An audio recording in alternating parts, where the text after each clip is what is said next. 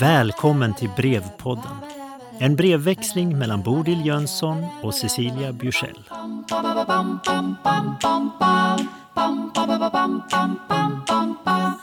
Cecilia, brev 5.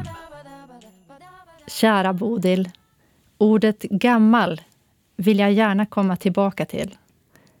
Det är så intressant hur det kan väcka starka och ibland negativa känslor. Men du nämnde en annan sak som jag ännu hellre vill diskutera nu. Och det är föreställningen både hos pensionärerna själva och omvärlden att de ska aktiveras. Det är inte så konstigt att idén har slagit rot eftersom policy på både nationell och global nivå trycker på aktivt åldrande som en viktig samhällsfråga. WHO, EU, vår regering och andra gör satsningar för att främja att äldre personer aktiveras. Tanken är god. Det är etablerat i forskning att en hög aktivitetsnivå och inflytande över sin livssituation faktiskt kan bidra till att minska vissa sjukdomars effekter och förlänga den tid vi har kvar på jorden. Att delta i utbildning, kurser och lärande är någonting som många brukar tycka om och det är därför ett bra sätt att aktivera sig.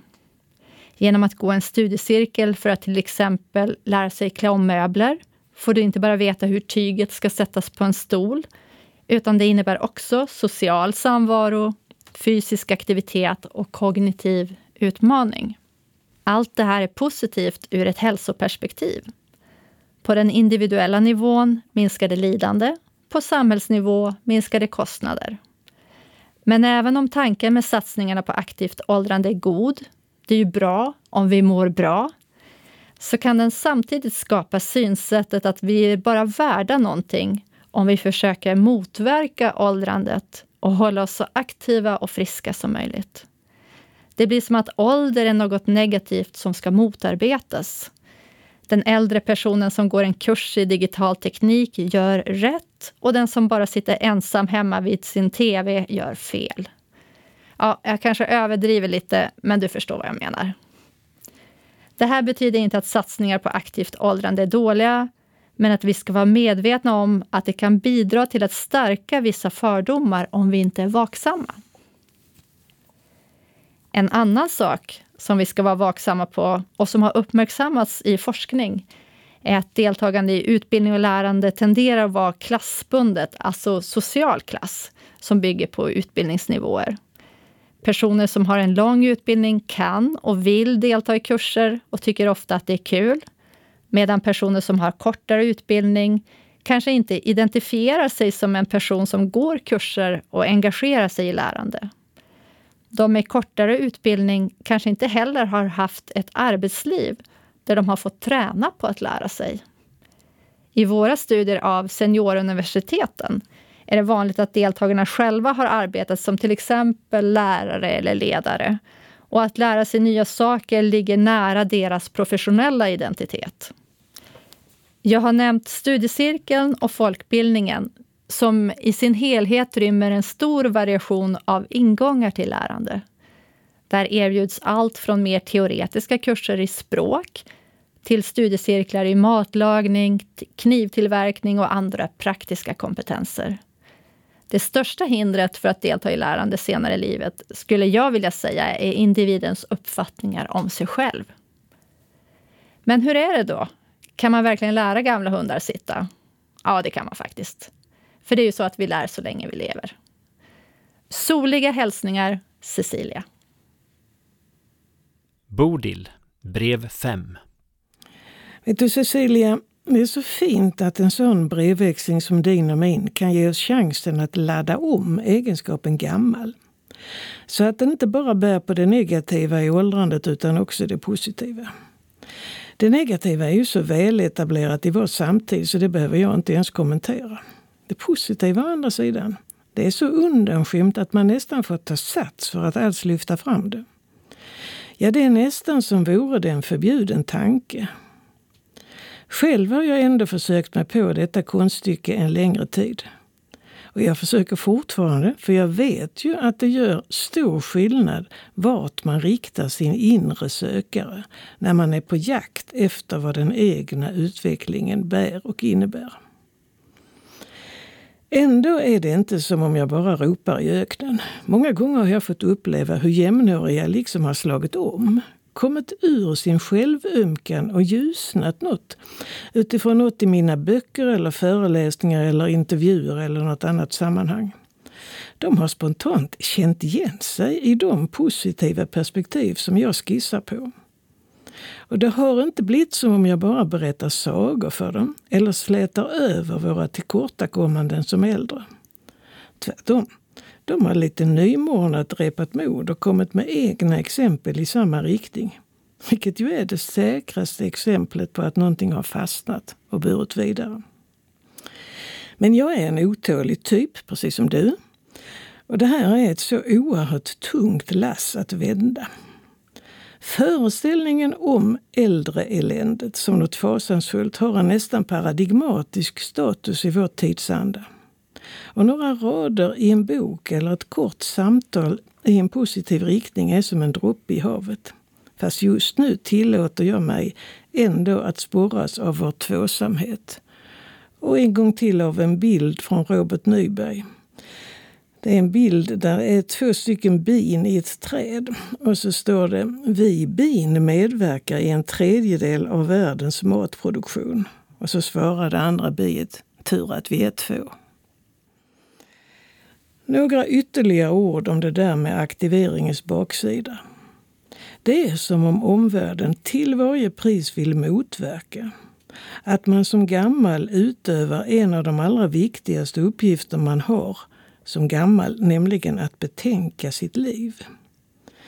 Det är ju ändå så att gamla traumer och oförrätter och misslyckanden dyker upp i en nygammal skepnad och tillsammans med andra lika så gamla lyckorus och framgångar så pockar de på att äntligen bli inlemmade i det egna livsmönstret. Att prioritera sådana mål och meningssammanhang är inte bara viktigt för the care of the self. Det är oemotståndligt. Det är snudd på övergrepp att då, när man håller på med det kanske allra viktigaste och fäller en tår och helst av allt skulle vilja få till stånd ett existentiellt samtal med någon annan, man då bemöts med men inte ska du sitta och fundera på sånt gammalt, ska du inte ha en kopp kaffe? Visst, det bottnar bara i oförstånd hos en omvärld som inte själva upplevt det inre meningstrycket och som ofta inte ens har hört talas om det. Men ska det verkligen få vara så i en god äldreomsorg? Undrar Bodil. Cecilia, brev 6. Nej men Bodil, nu blev jag lite förälskad i dig. Tänk att få utforska gammelhet som någonting positivt tillsammans. Och kanske till och med som en förändringskraft. Det är så populärt med förändring och innovation på många håll i samhället. Och jag tror att vi är redo för en innovation vad gäller synen på människors roll i samhället och synen på oss själva. Nationalekonomins policyspråk, där individen bara ses som en resurs för samhällets utveckling, bör utmanas. I ett human resource-vokabulär blir vi huvudsakligen arbetskraft och när vi inte fungerar som det så är vi en förbrukad eller oanvändbar resurs. Med tanke på att den kommande automationen förväntas förändra så mycket i vår vardag är det läge att diskutera en ny samhällsstruktur där arbete inte förbrukar dygnets bästa timmar och vi kommer få tid att göra annat. En förändring som innebär att vi ska lära oss att leva våra liv på ett nytt sätt är förstås ett gigantiskt steg att ta. I det första brevet skrev jag ju hur svårt det var att ens förändra något litet i sin vardag, trots att man vet att det skulle vara bra. Men låt oss pröva tanken. Anta att samhället och vi människor är redo för mer genomgripande förändringar. Vem kan vi då vända oss till för att få råd? Jo, här har de som är pensionärer redan byggt upp stor kunskap och erfarenhet kring hur man fritt kan använda sin tid och sin energi för att ägna sig åt det som känns meningsfullt och det som ger glädje. Det som bidrar till andra och det som ökar existentiella insikter. Det handlar om individuell visdom som går hand i hand med ökande ålder. Men det handlar också om en kompetens som har byggts upp i ett kollektiv och som vi kan lära oss av. Vi måste låta pendeln gå mellan individens kontemplation över en kaffekopp och kollektivets rörelse framåt som en fågelflock. Folkbildningen har utrymme för båda och kan vara en arena för att utforska nya sätt att vara. Men jag tror som du att den stilla stunden vid kaffekoppen rymmer mycket mer än vad som syns på ytan. Den slår ankare för inre produktivitet. Den danska pedagogen Knud Illeris påpekar att utan reflektion, inget lärande, ingen visdom. Din vapendragare Cecilia. Bodil, brev 6.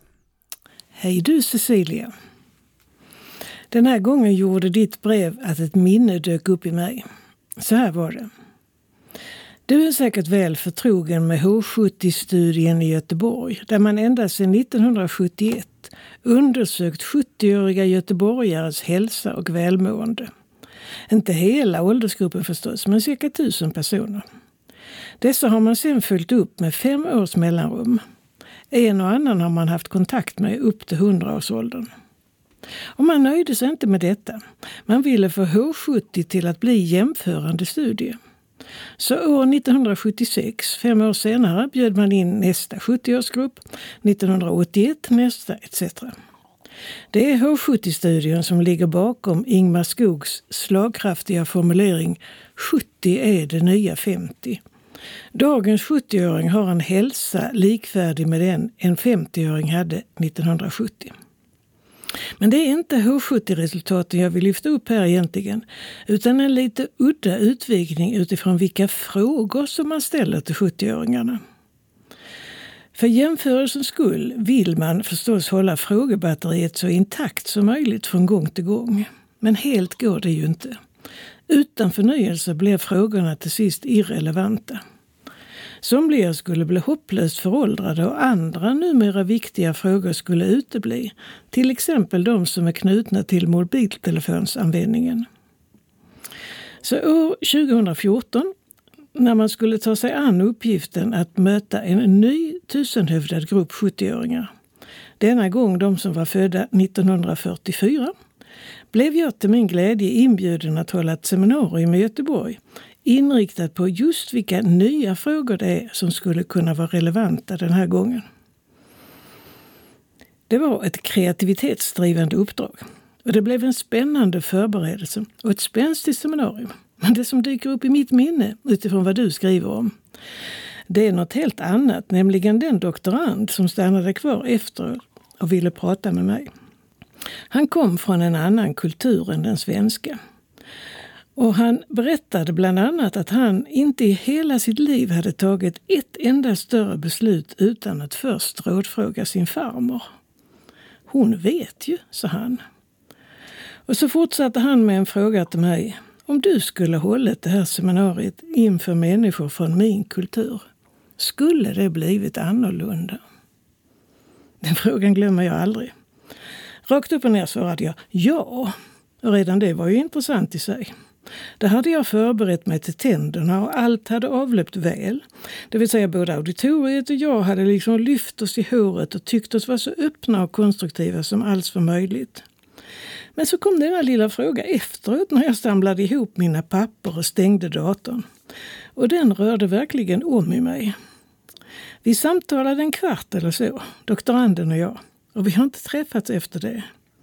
Men samtalet har uppenbarligen fortgått i mitt inre sedan 2014. För det var det som dök upp bara så där smack utifrån dina nedslag kring hur vi värderar eller inte värderar den äldre människans bidrag till andra och till samtiden.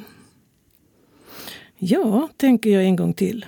Alla deltagande parters föreställningar om ålderdomen och dess värde påverkar vilka tankar vi tänker, vilka känslor vi har för varandra och oss själva och vad vi faktiskt gör.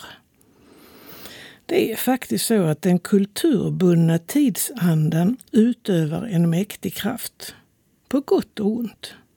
Allt gott, Bodil.